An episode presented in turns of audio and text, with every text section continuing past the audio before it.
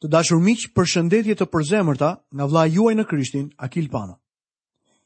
Kam privilegjin t'ju uroj mirëseardhje në emisionin e sotëm dhe njëkohësisht ju kujtoj që jemi duke studiuar në Ungjillin sipas Gjonit, kapitullin e 7 të këtij ungjilli.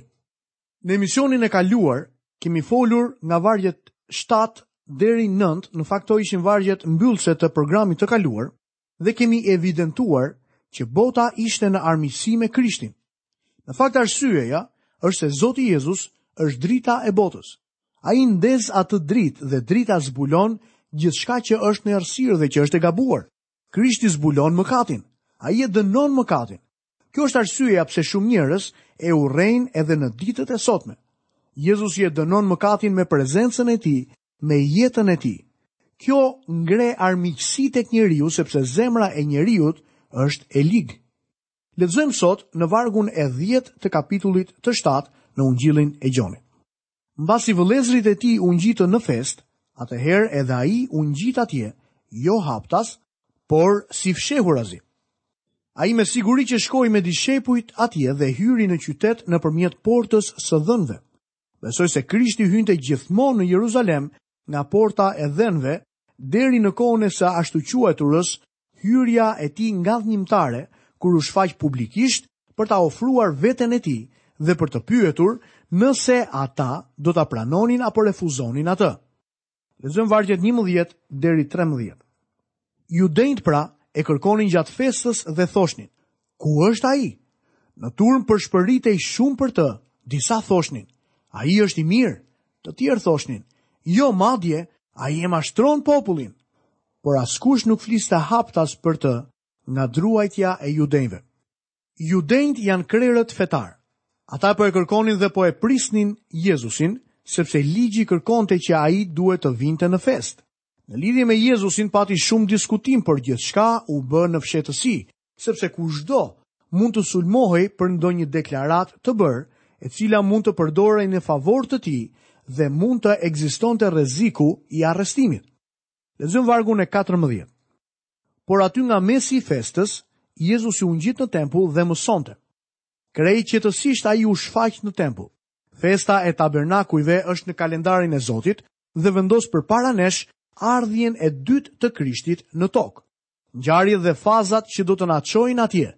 Kjo festë flet për përmbushjen e të gjitha gjërave. Jezusi do të shfaqet papritur. Tek libri i profetit Malaki, kapitulli i 3 dhe vargu i parë, shohim të shkruar: Dhe menjëherë Zoti që ju kërkoni do të hyjë në tempullin e vet. Kjo në fakt do të përmbushet kur Jezusi do të kthehet sërish në tokë. Lexojmë vargun e 15. Dhe judenjtë mrekulloheshin duke thënë: Si i ditka ky shkronjat pa studiuar? A e keni vënë re se sa shpesh e shohim Jezusin duke mësuar fjalën e Perëndisë? Vini re prioritetin që i dha ai fjalës së Zotit. Judenjtë krerët fetarë ishin të mahnitur sepse Jezusi nuk kishte bërë ndonjë trajnim në shkollën e mësuesve. Ata habiteshin që ai mund të fliste në atë mënyrë.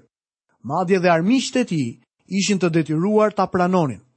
Në vargun 46 shohim të shkruar, asnjë njeri nuk ka folur kurrë si ai njeri.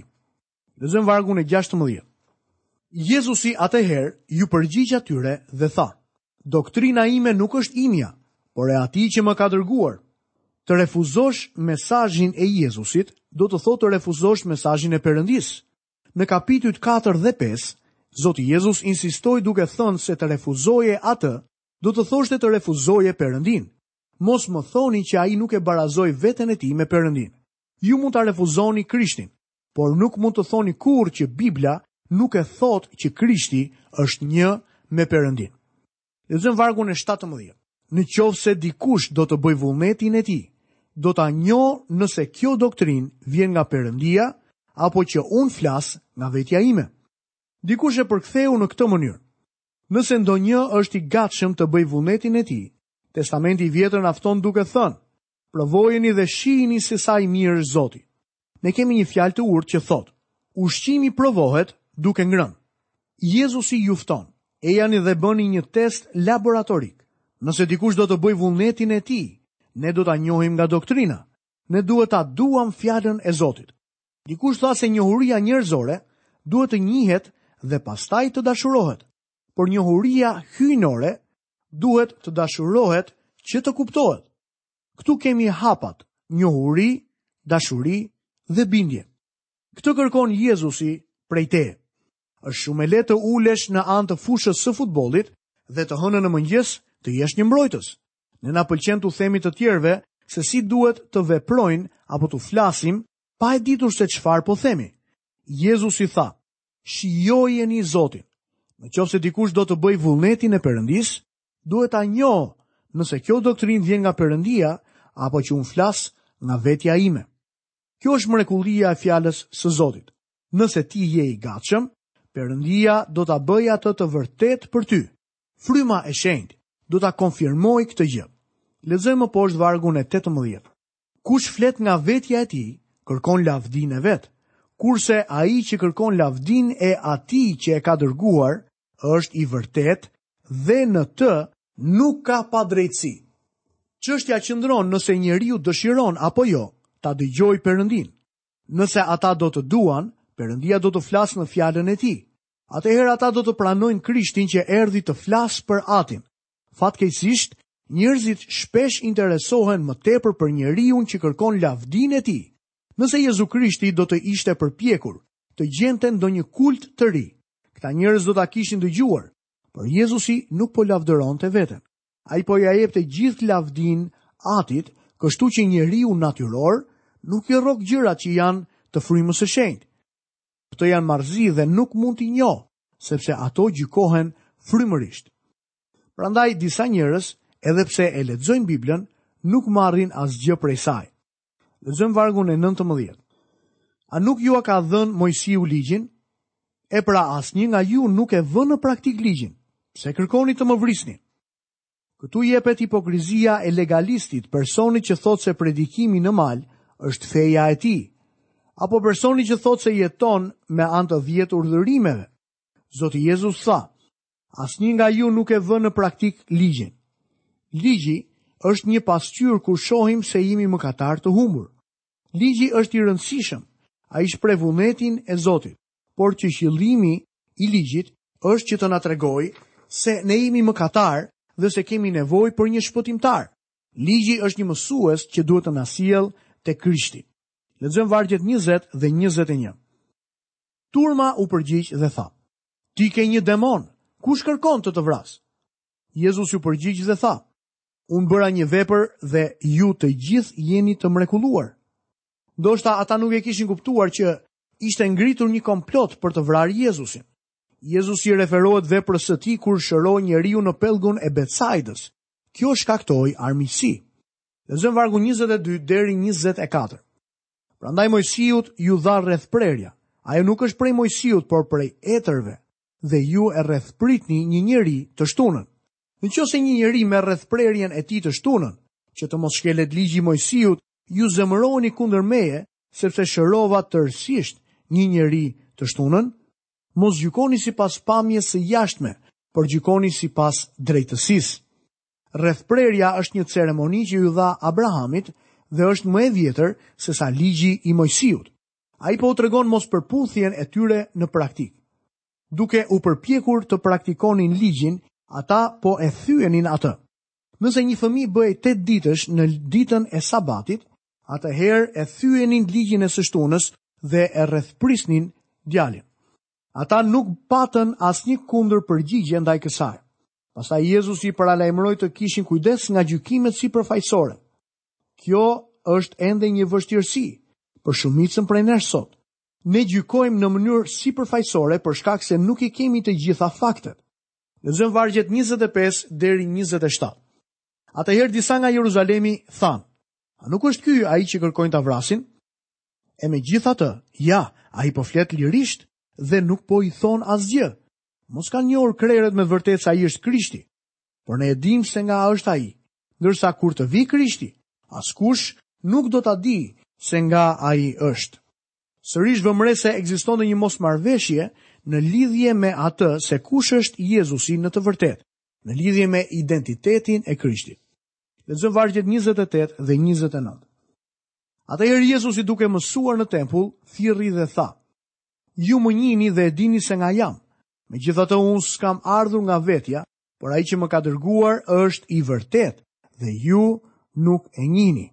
Por unë e njoh atë, sepse jam nga ai dhe ai më ka dërguar.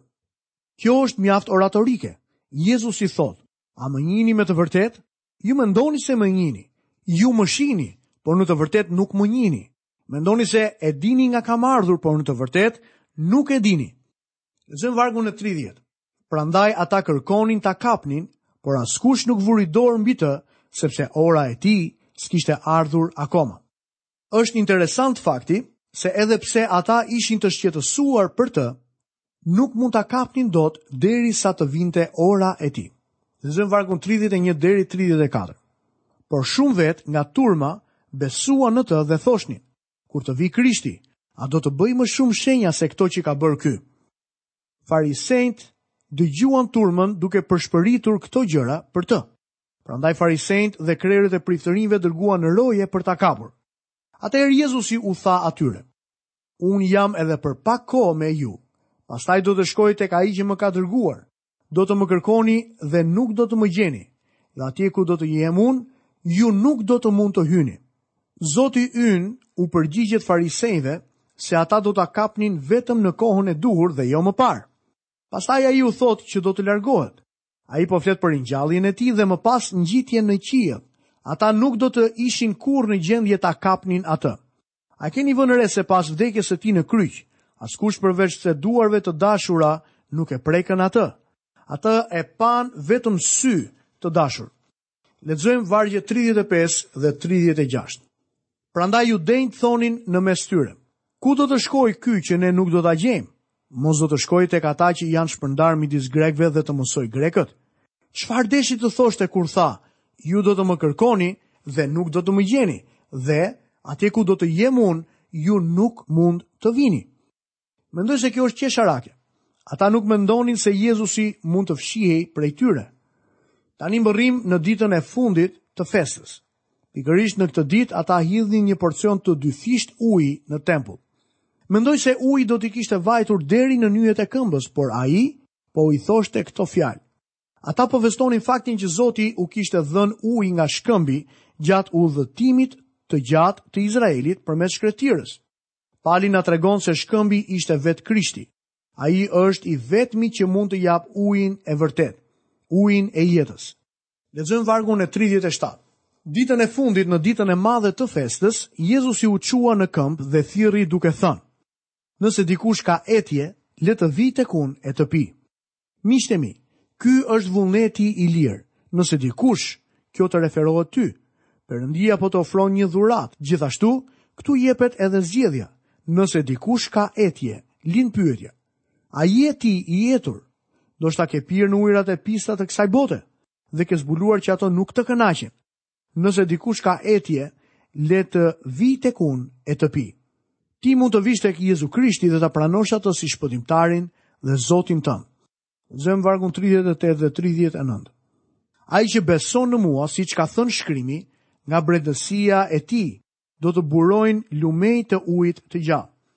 Por këtë ai e tha për frymën që do të merrnin ata që do të besonin në të. Fryma e Shenjtë nuk ishte dhënë ende sepse Jezusi nuk ishte përlëvduar akoma. Fryma e Shenjtë nuk erdhi deri ditën e rrëshajave apo Pentakostit, që prej asaj dite Jezusi erdhi të banojë tek besimtarët dhe të formojë një trup. Ardhja e Frymës së Shenjtë në atë ditë na siguron se Krishti u kthye në fronin e Atit. Lexojmë vargun e 40. Shumë veta nga turma kur i dëgjuan këto fjalë, thoshnin, Ky është me të vërtetë profeti. Disa njerëz besuan dhe u kthyen tek ai. Ata pinë nga uji dhe ngelën të kënaqur. Gjoni, kapitulli 7, vargu 41. Le ta lexojmë këtë varg. Të tjerë thoshnin, Ky është Krishti, kurse të tjerë thoshnin, Vallë nga Galilea vjen Krishti? E njëjta gjë ekziston edhe sot. Disa besojnë dhe disa të tjerë jo. Lexojmë vargun 42 dhe 43.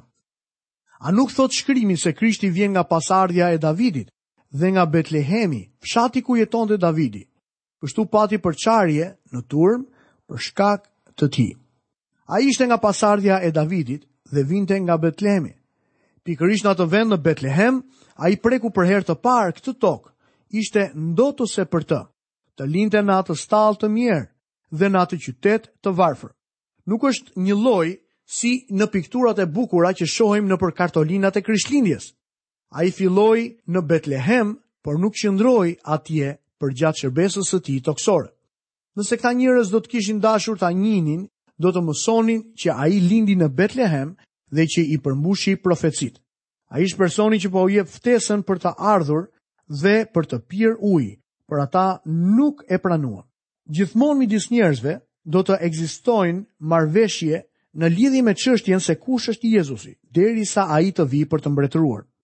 Lexojmë vargun e 44. Dhe disa prej tyre donin ta kapnin, por askush nuk vuri dorë mbi të. Ata nuk mundën ta kapnin. Ora e tij nuk kishte ardhur ende. Lexojmë më poshtë nga vargjet 45 dhe 46. Atëherë rojet u kthyen tek krerët e priftërinjve dhe tek farisenjtë, dhe këta u thanë atyre, Përse nuk e sollët? Rojet u përgjigjën, Asnjë njeri nuk ka folur kurrë si ai njeri. Vini re se çfarë dëshmie dhanë këta njerëz për Krishtin. Asnjë njeri nuk ka folur kurrë si ai njeri. Ai ishte mësues i madh, por ne nuk u shpëtuam me anë të mësimeve të tij. Ai na shpëtoi me anë të vdekjes dhe ringjalljes së tij. Lexojmë vargjet 47 deri 53. Prandaj farisenjtë iu përgjigjën atyre, mos u gënjyet dhe ju, mos vallë ndonjë nga krerët ose farisenjtë besojnë në të, por kjo turmë që nuk e njeh ligjin është e mallkuar.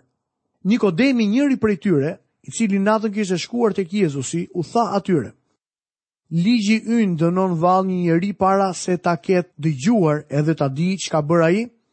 Ata u përgjigjën dhe thanë, mos je edhe ti nga Galilea? Hulumto shkrimet dhe do të shohësh se nga Galilea s'ka dalë kurë profet, dhe secili u kthye në shtëpinë e vet. Ky është Nikodemi që erdhi natën tek Jezusi. Mendoj se Nikodemi i besoi Zotit në atë natë. Ai është një farise dhe mbron Jezusin. Por shohim po që te të tjerët, ata e tallin dhe i thanë, mos je dhe ti nga Galilea? Kjo ishte një turp për ata. Ishte një lloj sikur njerëzit e qytetit të talleshin me njerëzit e fshatit. Interesante është se ata i njihnin fare mirë faktet e shkrimit. Nga Galilea s'ka dalë kurrë profet. Në të vërtetë ai nuk kishte ardhur nga Galilea dhe as nga Betlehemi.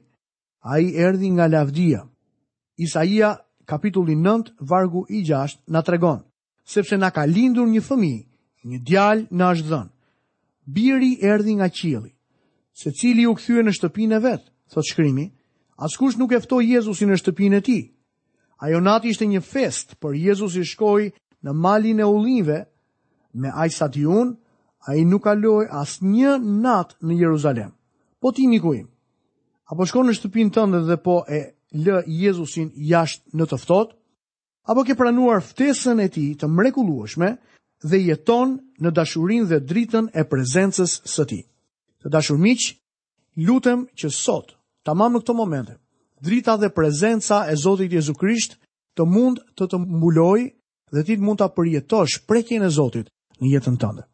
Në fund të këtij emisioni, lutem që paqja e Perëndisë dhe dashuria e tij të derdhen me bollëk në jetën tuaj. Nga vëlla Akil Pano, bashkë mirudëgjofshim në emisionin e ardhshëm.